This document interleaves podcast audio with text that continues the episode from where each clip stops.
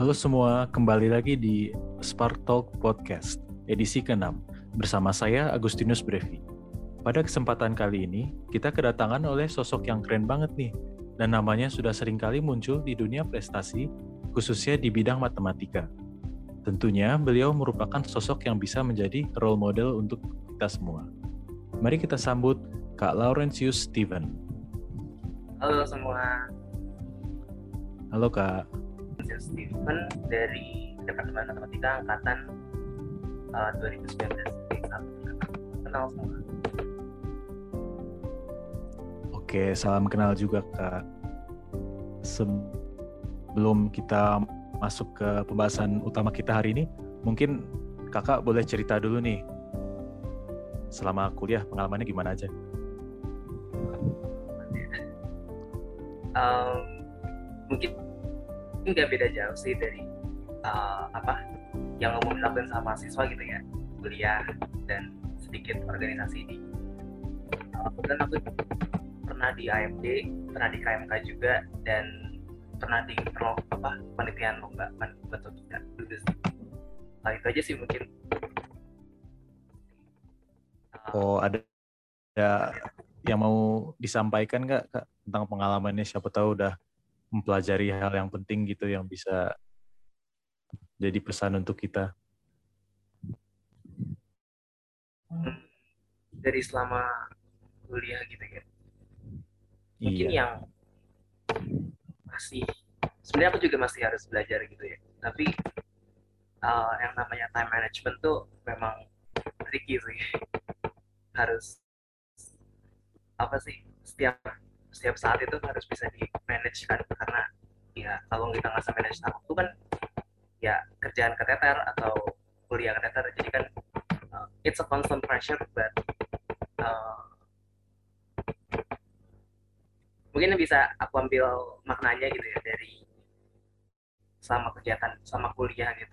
Terutama time management sih karena mungkin kalau dibandingin sama kegiatan kita di SMA kan SMA kayak lebih santai gitu ya kita lebih uh, suka hangout suka gimana. Kalau kuliah tuh kadang-kadang kita cari waktu buat hangout sudah susah gitu karena uh, ada kerjaan apa organisasi mungkin juga tugas kuliah kayak biasanya gitu kan. Jadi uh, gimana caranya kita bisa ngebuat bukan cuma waktu untuk kerja tapi juga waktu untuk diri sendiri gitu supaya uh, jangan sampai kita jadi apa sebetulnya bekerja seperti seekor sapi gitu.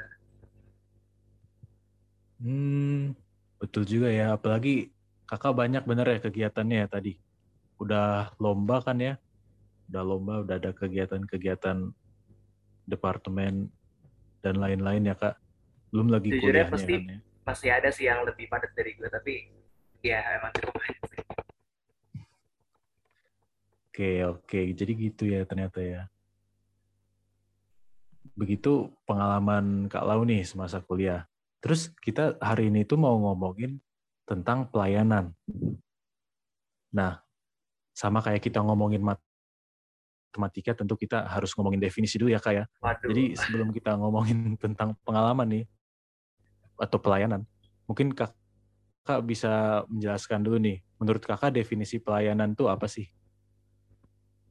Wah ini sulit ya. Kalau menurut kamu gimana? Apa sih yang mungkin jangan definisi tapi uh, apa yang kamu rasakan juga gitu dari melayani kayak kamu kan sekarang juga di KMK nih. Waduh, aku yang ditanya ya. Eh, kalau menurutku sih, Mungkin alasannya dulu deh kenapa kamu mau jadi uh, pelayan di KMK. oh kalau aku sih sebenarnya nggak terlalu dalam ya. Mungkin alasannya agak spontan dan agak istilahnya apa ya, cuma diajakin temen gitu dong sih. Tapi mungkin kembali ke kakak dulu nih, kakak mungkin ada alasan-alasan kalau misalnya untuk pelayanan, alasan-alasan yang lebih dalam nih. Gimana kak? Mungkin awalnya juga aku nggak dalam gitu juga ya. Maksudnya memang pasti kita uh, uh, yang namanya awalnya diajakin untuk ikut pelayanan pasti kita mikirnya spontan gitu. Apa sih yang bakal kita expect dari uh, kegiatan kayak gitu misalkan sih kalau ambil contoh kayak di KMK tapi uh, mungkin kalau alasan lebih lebih mendasarnya lagi ya uh, yang namanya pelayanan itu nggak bisa datang secara tiba-tiba. Maksudnya mungkin awalnya kita masih belum tahu apa-apa, tapi hmm. uh, the passion for pelayanan itu pasti akan semakin semakin waktu akan semakin bertumbuh, semakin uh, kita juga punya kecintaan terhadap apa yang kita lakuin. Jadi uh, pelayanan yang udah utuh itu kalau menurut aku ya sesuatu yang udah didasarkan dari cinta terhadap komunitas, terhadap uh, kuliah, terhadap passion apa pun itu. Oh, jadi gitu ya teman-teman ya. Ternyata kalau menurut Kak Lau itu pelayanan itu mungkin kalau didefinisikan susah, tapi bisa dilihat dari segi dampaknya ya atau tujuannya ya. Yang didasari dengan cinta untuk komunitas dan lain-lain. Nah, menurut kakak manfaat dari melayani dalam Tuhan Yesus itu apa aja sih kak? Kalau ditanya manfaat, maksudnya kan namanya pelayanan, pasti kita nggak expect dapat sesuatu kan, karena uh, biasanya kan sebutannya involuntary gitu. Kalau kita uh, merelakan diri gitu untuk melakukan sesuatu yang often enough tuh nggak nggak ada bayarannya. Tapi uh, hmm. kalau manfaat secara uh, sosial gitu mungkin dari diri kita sebagai makhluk sosial. Uh, namanya melayani itu kan kita berinteraksi dengan orang lain, gitu. dengan uh, mungkin aja dengan dosen kalau pelayanannya di akademik atau misalkan kalau di HMK gini berarti kita bareng teman-teman satu satu fakultas, satu universitas gitu kan. Dan yang namanya interaksi sosial kayak gitu pasti akan ngebuat apa sih fulfilling in itself gitu. Jadi membawa kepenuhan terhadap diri kita sendiri karena ya pasti namanya membuat sesuatu yang baik gitu ya apalagi barang-barang orang-orang yang keren-keren juga itu pasti akan membawa uh, satisfaction for for yourself Oke, jadi ternyata begitu ya kak ya. Ternyata pelayanan itu bukan cuma dilihat dari segi eksternalnya dalam hal manfaat-manfaat mungkin material gitu ya atau yang terlalu begitu-begitu tapi pelayanan itu uh, dalam hal dalam artian membantu orang itu ada ada manfaat intrinsiknya sendiri ya kayak yang berupa satisfaction tadi karena sudah membantu dan dari pengalamannya sendiri ya kak ternyata ya. Karena mungkin kalau dianggap dari konsep agama gitu ya nama berbuat baik itu kan pasti pasti dibenarkan gitu kan. Tapi ada yang lebih uh, maksudnya gimana ya mungkin uh, lebih ke apa sih manfaat bener-bener buat diri sendiri banget nih gitu. Maksudnya kalau dipandang sebagai sesuatu yang kayak begitu tapi memang masih ada loh. Jadi sekalipun kadang-kadang kesannya kok makan waktu atau gimana pasti nanti di akhirnya akan terasa oh iya dulu gue pernah melakukan sesuatu yang baik yang bagus yang bagus ya yang baik gitu dan itu pasti akan mengenang. Jadi ya jangan uh, patang semangat sih dalam pelayanan uh, ya jangan sampai putus lagi oh benar tuh kak benar-benar oke kalau menurut kakak prinsip atau hal yang harus diperhatikan saat melayani orang itu apa aja sih? Wow, prinsip. yang namanya melayani kan ya berarti kan prinsipnya dari melayani adalah kita nggak mementingkan diri sendiri ya kan maksudnya mungkin itu salah satu uh, perbedaan dari namanya melayani dengan dengan apa ya sebenarnya dengan kayak kalau kamu kerja gitu kamu kerja kan kayak gitu kalau melayani kan berarti kamu memberikan sesuatu dan kamu nggak mengharapkan sesuatu kembali dari apa yang kamu lakukan. Jadi uh, prinsip yang paling utama sih kalau menurut aku ya uh, selflessness selflessness itu sih uh, kerendahan diri mungkin itu. Karena tanpa kita bisa merendahkan diri kita untuk uh, merendahkan hati sorry kebalik ya rendah hati ya kalau kita nggak bisa merendahkan hati untuk bisa melayani orang lain uh, kita nggak akan bisa dapat apa sih esensi dari pelayanan Oh gitu ya kak berarti tadi prinsipnya itu selflessness ya. Jadi tidak mencari imbalan dari pelayanan itu sendiri ya. Tapi ya tapi mungkin lebih menyukai tindakan pelayanannya itu sendiri ya kak, bukan imbalan dari tindakan tersebut ya kak? Ya, jadi dianggap sebagai kesukaan bagi diri sendiri gitu. Oke, nah ini kan kita tadi udah ngomongin tentang pelayanan nih. Mungkin kakak bisa jelasin uh, dari pengalaman kakak sendiri atau dari yang kakak tahu, gimana sih seorang mahasiswa itu bisa melakukan pelayanan bagi Tuhan? Uh, wow, ini konteksnya dalam sekali karena pelayanan bagi Tuhan kan, uh, maksudnya kan Tuhan kan maha kuasa. Jadi secara teknis uh, perbuatan kita tuh sebenarnya dari diatur juga sama Tuhan. Tapi uh, kalau dianggap sebagai pelayanan yang bermanfaat bagi Tuhan uh, mungkin kalau aku nge-quote dari Alkitab gitu ya bahwa uh, perbuatan kita tuh cukup dilakukan untuk orang-orang yang vulnerable di sekitar kita. Bukan bukan untuk orang yang tinggi kayak yang maha kuasa gitu. Tapi kita cukup melakukan itu kepada uh, teman-teman kita yang mungkin bukan gak harus yang uh, yang miskin banget atau yang uh, kesulitan atau gimana. Kadang-kadang masih banyak dari sekitar kita yang mungkin kelihatannya baik-baik aja. Tapi sebenarnya banyak yang bisa dibantu kayak oh iya mungkin kalau aku ambil contoh kayak gini. Uh, jadi ada teman aku yang pernah nawarin diktat gitu kan. Dan waktu itu aku emang lagi belum ada belum ada duit gitu kan lagi lagi sepi banget itu tapi uh, dia ngasih duluan nih uh, biar yang bilangnya bayar kapan-kapan itu kan suatu yang mungkin tindakannya sepele ya. Karena uh, ya diktat kan fotokopinya paling berapa sih? Kayak lima ribu lah gitu paling buat satu satu taping gitu kan.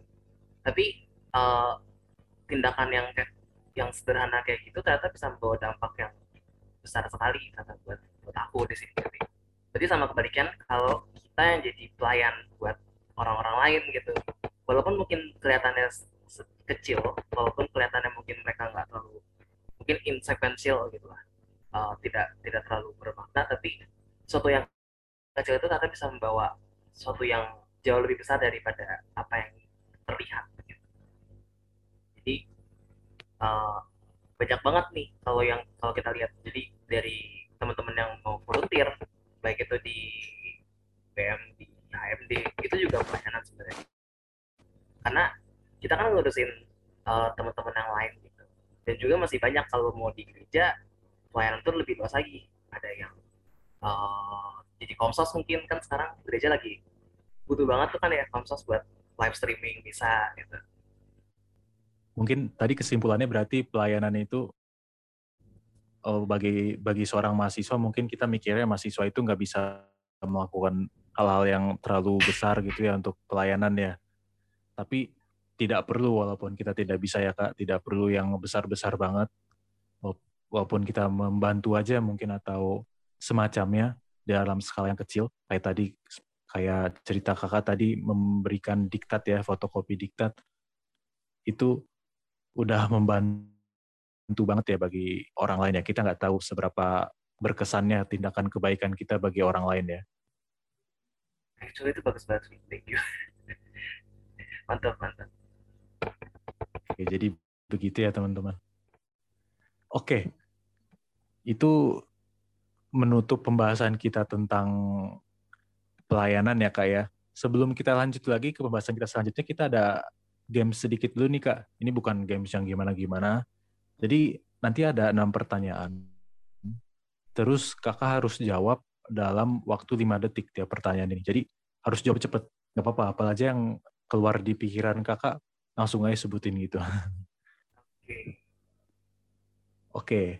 Jadi pertanyaan pertama ya. Langsung aja ya. Fun fact yang jarang orang ketahui tentang kakak. Uh, gak suka ngitung. Oke, terus yang kedua youtuber favorit? Uh, sekarang top Scott. Terus role model kakak? oh, role model ortu kali ya oh orang tua terus makanan favorit makanan favorit lagi suka sambal kentang apakah sambal kentang tau nggak sambal kentang cabai yang biasa di warteg gitu. Waduh, sambal mentah. Apa tuh? Nanti Sambal mungkin kentang. boleh cerita ya. Iya boleh boleh. Pengalaman paling tak terlupakan. Pengalaman paling tak terlupakan eh eh, ketika salah baca soal dua dari empat buat uas. Waduh, terus Itu- board game favorit? mungkin bukan board game jatuhnya sih, tapi eh, werewolf. Oh iya, oke oke, nggak apa-apa nggak apa-apa. Mirip mirip mirip. Oke, coba ke sekarang boleh nih jelasin nih dari yang pertama tadi kata kakak fun fact yang jarang orang tahu kakak nggak suka ngitung nih. Itu boleh bisa jelasin nggak tuh kak? Padahal kan jurusan matematika, jadi mungkin Iya. orang-orang dari luar mikirnya itu matematika itu ngitung kan identiknya kan. Iya memang aneh ya. Mas mau gitu? Tapi emang dari dulu eh malas aja gitu kalau soal hitung-hitungan mainnya kayak kalkulator kayak gampang gitu ya. Tapi eh, mungkin ini juga sebuah mungkin gue nggak bisa ngomongin konsep miskonsepsi ya, tapi mungkin eh, orang masih belum banyak yang tahu kalau ternyata matematik tuh lebih dari sekedar ngitung loh gitu. Karena eh, banyak banget yang gue belajar dari selama kuliah gitu ya. dan ya dan itu matematik bukan cuma sekedar gitu matematik itu ternyata banyak loh yang lebih dari itu karena intinya tuh kayak membuat struktur dari apa yang kita ada dan itu uh, menurut gua uh, change of perspective yang gede banget. Btw kenapa gua mau mat? Karena awalnya pengen aku lebih gitu jadi ya, Tapi kenapa tuh? uh, kenapa nggak jadi ngambil aku? Iya, kenapa tuh kak? wah berat. Ya sorry ya Waduh, kan. waduh. passing grade-nya luar biasa ya. Aduh ampun deh jadi ya play to your odds Oke, jadi begitu ya ternyata matematika itu tadi kalau menurut kakak itu dari melihat suatu hal dalam perspektif yang berbeda ya kak ya? iya ternyata banyak banget yang bisa dipelajari dan Dan yang bukan membuat gitu Iya, iya betul betul tuh. Aku juga setuju sih. Dan membuat struktur ya. Berarti kakak materinya paling suka apa nih aljabar? Waduh kayaknya ketahuan sih ya. Mungkin kalau buat yang udah tahu aljabar itu analisis enggak deh. Mungkin buat yang Analisis. tahu referensi ya. Jadi analisis real itu matkul wajib buat anak tiga prodi tapi em, kepakainya agak dipertanyakan. Sebut saja begitu. Iya sih ya.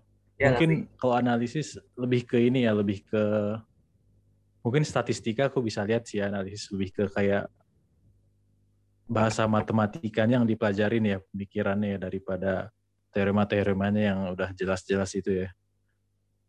mungkin sih ya tapi saat ini pakai kalkulus sebenarnya ya itu agak sedikit jauh sih oke oke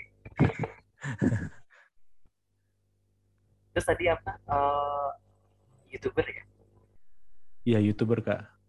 Kenapa tuh? Sarah Co-Star. Uh, Tom Scott tadi sih aku bilang kenapa nggak tahu kayak keren aja ngeliat orang Inggris. Ya mungkin yang keren dari kultur di sana ya kultur iklannya. Di sana tuh hukum tentang iklan tuh kayak lebih strict gitu dibanding di sini. Kayak kalau lo ngeliat TV kan kayak di sini banyak banget gitu. Di sana tuh lebih ketat jadi kata sih mungkin gara-gara situ jadi ya banyak yang bangsa ini Oke. bisa pelajari dari tempat lain Tentang iklan ya berarti ya. iya polisi iklan sih itu ya. sekarang parah sih Tapi betul sih ya, kalau marketing itu memang penting ya. Kalau dilihat dari perusahaan-perusahaan itu dan berapa banyak uang yang keluar cuma untuk marketing. tapi kan kalau buat kita yang konsumen kan jadi kadang-kadang jadi capek ya regulasinya Betul sih Kak, iya. Oke, tadi role model kakak tuh, kata kakak orang orang tua ya. Itu kenapa tuh Kak? Adakah sesuatu yang spesifik atau memang secara umum aja? Eh, mungkin apa yang bisa gue cerita ya Eh,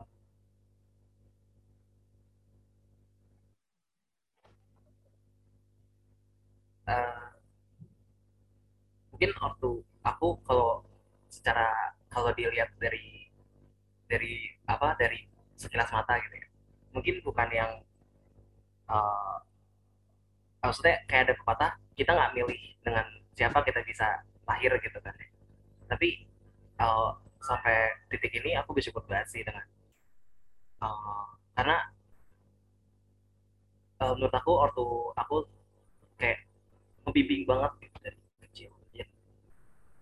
uh, kadang-kadang kalau aku ngelihat teman-teman yang lain mungkin nggak sebegitu disayangnya gitu rasanya. Jadi ya mungkin a bit spoiled tapi uh, tetap bersyukur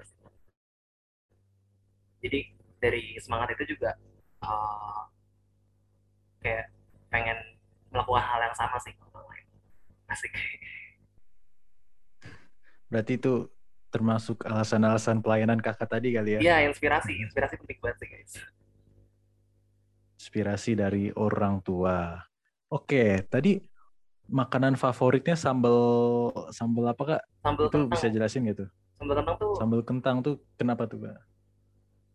Biasanya pakai ampela sih tau mungkin sambal kentang ampela ya. Itu uh, jadi kayak cuman sambal jadi kayak adonan cabai seperti jus cabai gitu tapi dimasak pakai kentang yang udah digoreng potong kecil itu simple karena masaknya cepet tapi uh, aduh itu gimana ya tadi? Gue lupa ya? Sorry sorry. Ini kayak jiwa gitu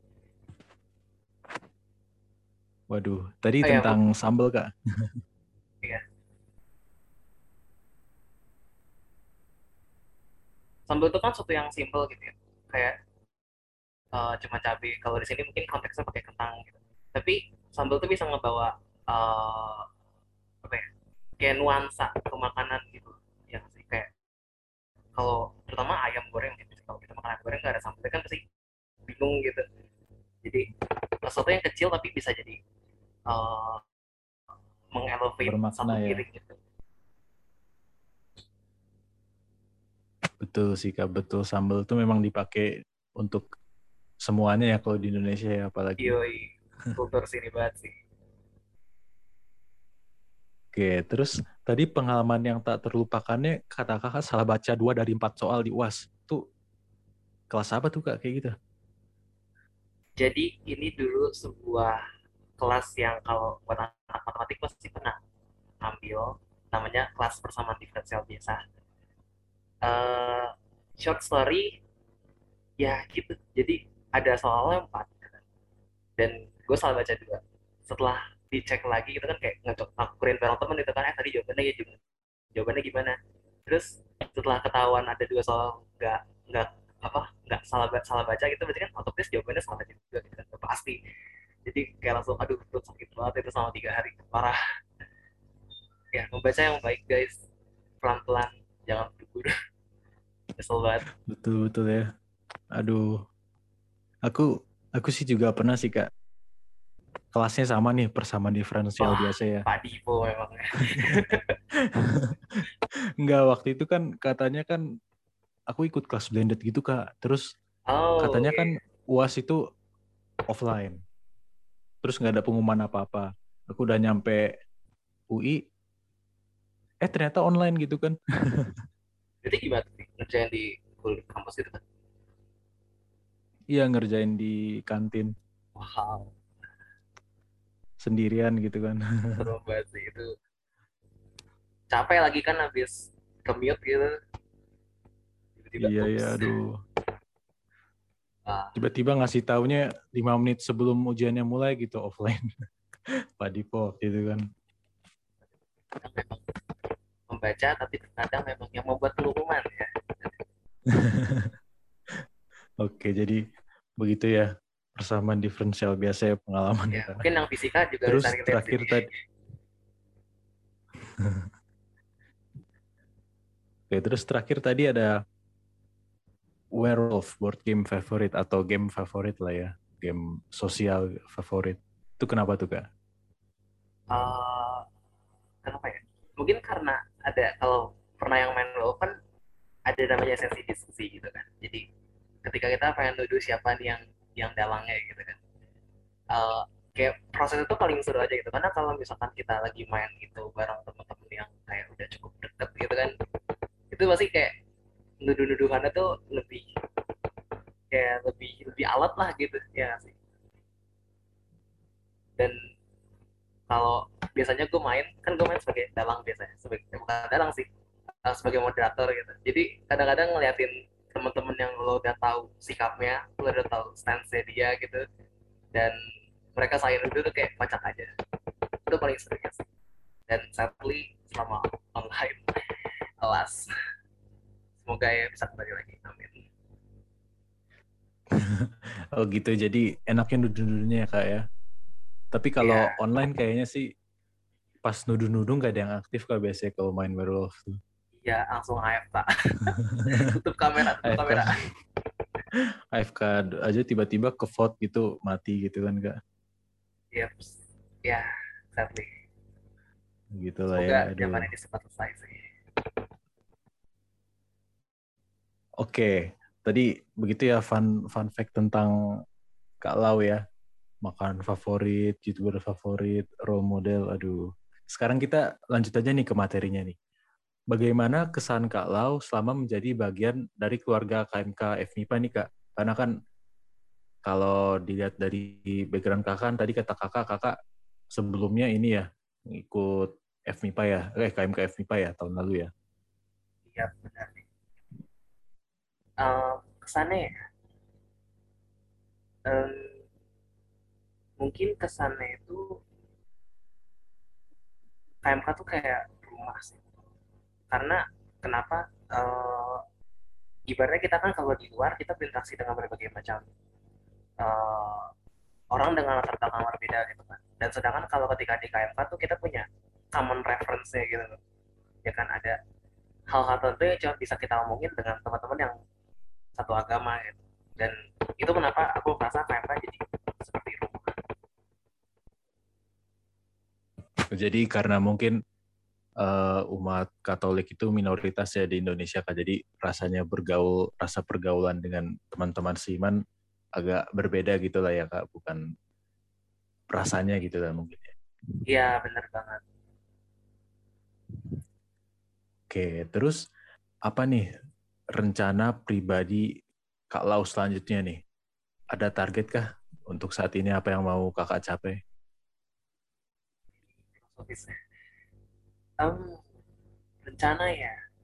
Rencananya sih uh, pengen lulus ya amin tapi nggak dalam waktu dekat sih. Uh, sama belum tahu juga sih apakah mau ngambil magang karena sekarang kan magang UTK juga uh, lagi di gencar-gencar banget gitu. dan itu kayak juga uh, prospek yang bagus gitu karena uh, udah standardized jadi masih masih mikirin tapi kayaknya sih magang. Kalau misalnya kakak nggak magang kakak pengen pilih apa tadi? Hmm, kalau nggak magang uh, mungkin ngambil beberapa mata kuliah yang uh, buat sertifikasi profesi sih.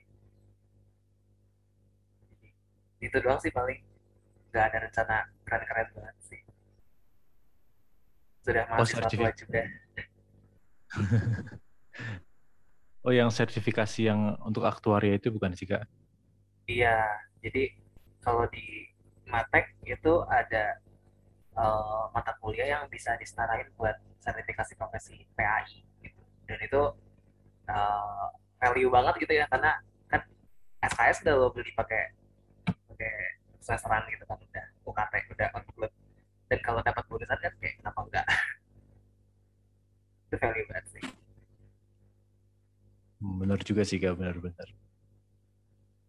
oke jadi begitu ya ternyata ya uh, kalau juga agak katanya tidak memiliki target yang bagaimana bagaimana banget. Mungkin menurut kalau bisa dibilang standar ya kak untuk mahasiswa-mahasiswa antara sertifikasi atau magang gitu kan.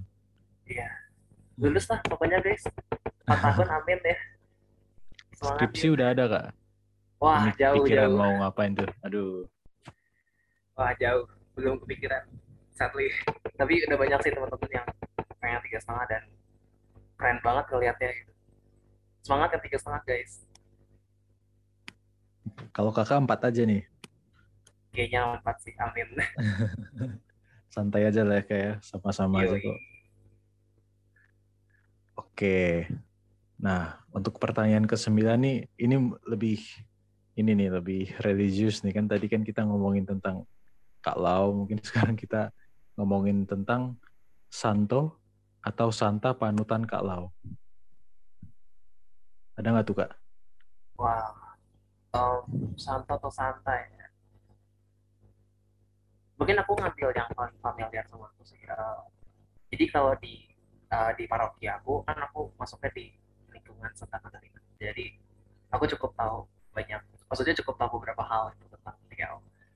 Eh, menurut aku eh, Santa Katarina itu eh, sosok yang eh, gimana sebenarnya? Apa apa sih dapat dipercaya gitu. Karena mungkin kalau buat yang udah tahu biografinya beliau gitu kan eh, dia dapat sebutannya eh, pesan dari Bunda Maria gitu dalam sih. Dapat dapat penglihatan gitu. Dan itu dia jaga banget gitu. bahkan sampai sampai berapa tahun baru kepala biaranya tuh dikasih tahu karena eh, dia harus ngejaga pesan itu dengan baik-baik. Jadi eh, bagaimana cara jadi orang yang bisa dipercaya itu uh, sosok kita kepercayaan. Balik lagi tuh kayak pelayanan juga ya karena uh, uh, menjaga rahasia itu kan juga sesuatu yang nggak mudah gitu. dan itu bukan untuk keuntungan diri sendiri Oh, jadi begitu, begitu ya kayak Santa Katarina ya Kak ternyata ya. Menjaga Katarina Labore Katarina tuh ada dua kan ada Siena ada Labore kalau Siena aku kurang tahu sih Katarina Lagore ya. Oke, oke. Jadi begitu ya ternyata ya Santa favorit ya atau mungkin panutan ya, panutan Kak Lau ya. Nah, selain Santa mungkin kita mau nerusin lagi nih tentang topik kita ini. Ada nggak yang menurut kakak atau pendapat-pendapat kakak tentang gereja kita sekarang ini? Wow, dalam sekali. Eh, tentang gereja di Indonesia atau di Terserah kakak sih, mungkin ada sesuatu yang mau kakak omongin gitu. Gereja ya. Sejujurnya sih, kalau aku ngelihat perbandingan dari gereja yang ada di Indonesia dengan yang di tempat lain gitu ya, eh, gereja kita tuh menurut aku salah satu yang perkembangannya paling bagus karena eh nggak tahu ya mungkin emang karena eh, semangatnya orang Indonesia gitu ya yang toleran yang apa sih multikultural jadi eh, gereja Katolik itu lebih bisa beradaptasi di lingkungan yang dengan apa sih dengan orang-orang Katolik yang juga udah ngerti dengan sifat toleransi. Mungkin kalau di luar kan eh, sebut saja tidak semudah itu kan untuk toleransi Israel. Eh, ya.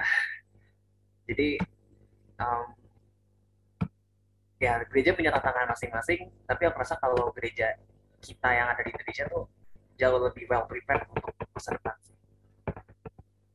Oh, Iya, itu. Jadi menurut kakak gereja kita itu lebih lingkungannya inklusif ya kayak untuk orang-orang beriman Katolik dari berbagai background yang berbeda-beda. Iya, Kalau gitu kita mungkin ngomongin lagi nih satu lagi nih Kak tentang gereja kita. Mungkin selama pandemi ini kita tahu nih yang namanya misa online kan ya. Nah, tapi mungkin terkadang beberapa orang udah ngomongin tentang misa online bahwa itu bukan misa yang valid karena melanggar doktrin-doktrin misalnya doktrin transubstansiasi kan ya karena ekaristinya kan gak diterima secara fisik jadi itu gimana kak menurut kakak? wah ini ini dalam banget sih. Sejujurnya kalau buat judgement yang tentang hal yang sedetail ini mungkin gue bukan orang yang tepat ya. Maksudnya ada lebih banyak orang yang lebih qualified untuk ngomong kalau menurut aku sih uh, anggap aja ini kayak kayak LDR gitu bayangkan karena LDR kan juga orang yang saling sharing feelings tapi uh, nggak kontak fisik gitu. apakah itu masih dianggap sebagai sebagai sebuah hubungan yang valid kan itu balik lagi tergantung siapa yang bilang gitu kan. Tapi kalau menurut aku selama uh, hati kita tetap ada di jalan yang benar maksudnya di jalan yang sama gitu menurut aku sih masih valid. Selama kita masih seperti apa yang sebenarnya kita lakuin sih jangan dianggap kalau dia mulai kerasanya seperti uh, cuman kewajiban yang kita lakuin tiap minggu ya itu mungkin agak sedikit dipertanyakan gitu ya. Jadi balik lagi sih ke esensinya. Di satu sudah untuk untuk ketemu sama Tuhan. Jadi kalau kita bisa fokusin hati kita untuk uh, apa yang kita lakuin di misa ngomong dengan Tuhan. Oke, jadi begitu ya menurut kakak misa itu lebih ke arah uh, berkomunikasi dengan Tuhan ya dan mungkin kalau untuk misa online esensinya lebih penting ya. Iya. Setidaknya ada gitu ya esensinya. Jangan kehilangan esensi, jangan melihat misa hanya sebagai kewajiban ya kak. In general itu berlaku untuk misa offline juga sih. Tapi mungkin kalau di masa kayak kita sekarang ini kayak lebih gampang untuk kita kehilangan uh, kehilangan arah kita gitu bener ya kak bener-bener karena kalau buka laptop siapa tahu udah buka Google mau cari yang lain-lain malah gitu kan. Eh iya. udah lewat itu belok dikit udah beda gitu kan. Oke. Nah pertanyaan terakhir nih kak. Apa pesan kakak untuk teman-teman pendengar dan anggota-anggota KMK FMIPA UI saat ini? Um, pesannya uh, ya sekarang ini kan masa-masa lagi nggak lagi yang uh, cukup berat lah buat kita semua gitu kan notably uh, Eropa. Ya jadi kita sama berdoa aja sih supaya uh, keadaan dunia bisa lebih baik supaya uh, bukan cuma keadaan pribadi kita tapi juga uh, menghilangkan penderitaan yang ada di muka bumi lah gitu. Sudah cukup banyak penderitaan gitu kan.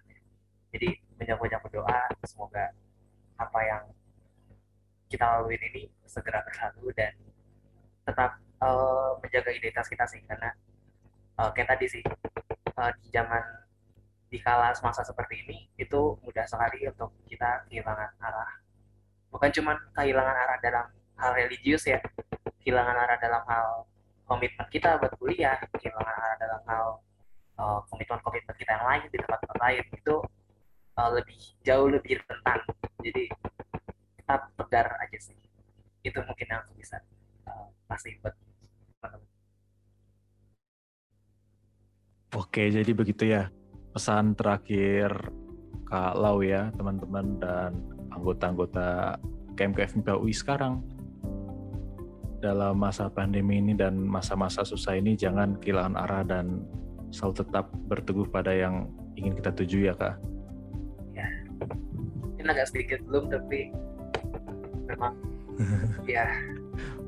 Mungkin ulang aja podcastnya terus dengerin apa yang Kak Lau bilang sendiri ya kalau mau detailnya. Oke, tak terasa 30 menit sudah berlalu dan kita sudah sampai ke penghujung perbincangan kita hari ini. Terima kasih lagi untuk Kak Lau sudah meluangkan waktunya bersama kami dan memberikan pengalaman dan insight-nya buat kita semua. Semoga Kak Lau sukses selalu dan diberkati Tuhan. Saya Brevi undur diri, sampai jumpa di Spark Talk Podcast episode berikutnya.